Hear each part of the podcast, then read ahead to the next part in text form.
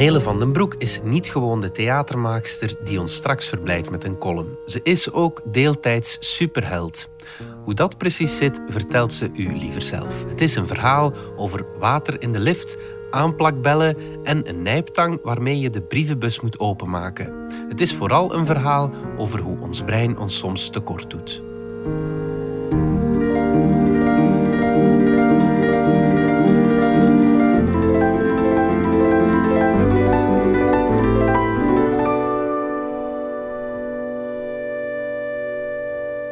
Het wordt zo zoetjes aan tijd om u mijn geheim te vertellen.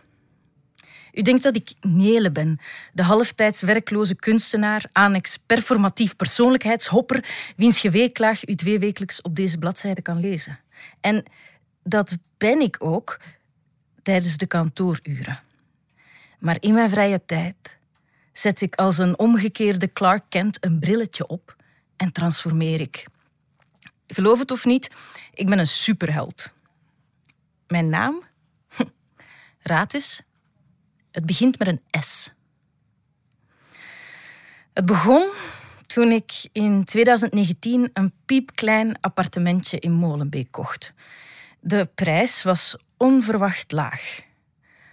Wat was ik trots. Een eigen huis, een plek onder de zon. Niet lang daarna zou ik te weten komen waarom het zo goedkoop was.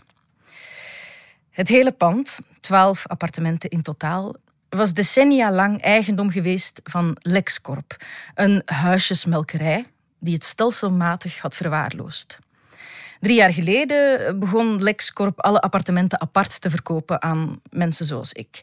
Mensen die zich Ukkel of Watermaal Bosvoorde niet kunnen veroorloven. Er stond water in de lift en de brievenbussen kon je alleen nog met een nijptang openkrijgen. De Gevel was een festival van provisorische aanplakbellen met namen van mensen die al lang ergens anders woonden. Uit een niet eens zo lange blik op de boekhouding bleek dat de vorige syndicus zichzelf royaal had uitbetaald. 60 euro per ingescand document, dat soort dingen. Ik kan niet zeggen dat ik hem dat kwalijk neem. Ik weet intussen dat er niets ter wereld zo zielsvermorzelend is als het inscannen van documenten.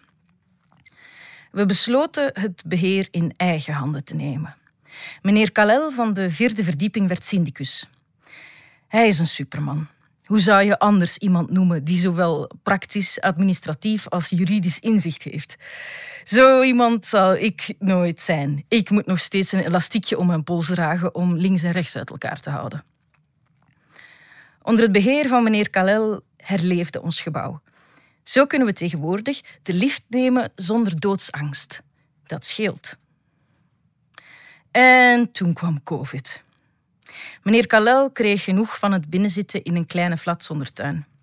Hij verkocht zijn appartement en ging in Namen wonen, waar het gras daadwerkelijk groener is. We hadden een nieuwe syndicus nodig. Iedereen keek naar een ander. En uiteindelijk nam ik de handschoen op. Hoe erg kon het zijn? Wel, ik zal het u zeggen.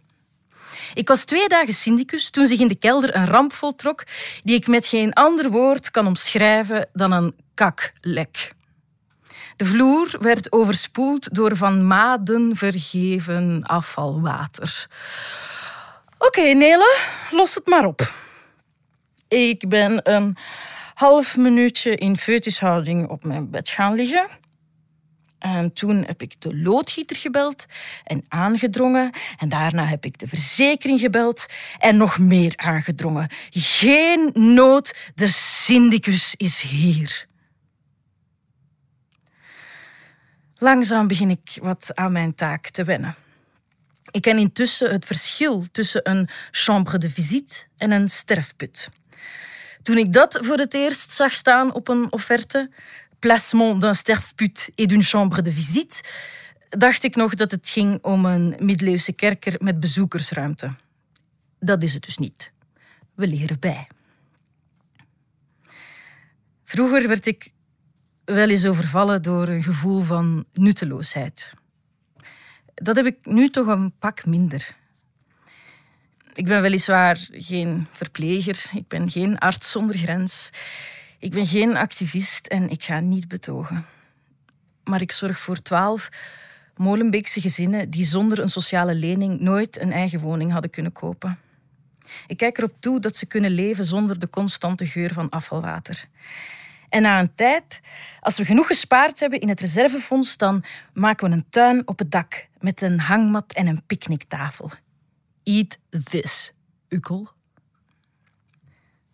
Het menselijke brein is heel goed in mythevorming over zichzelf.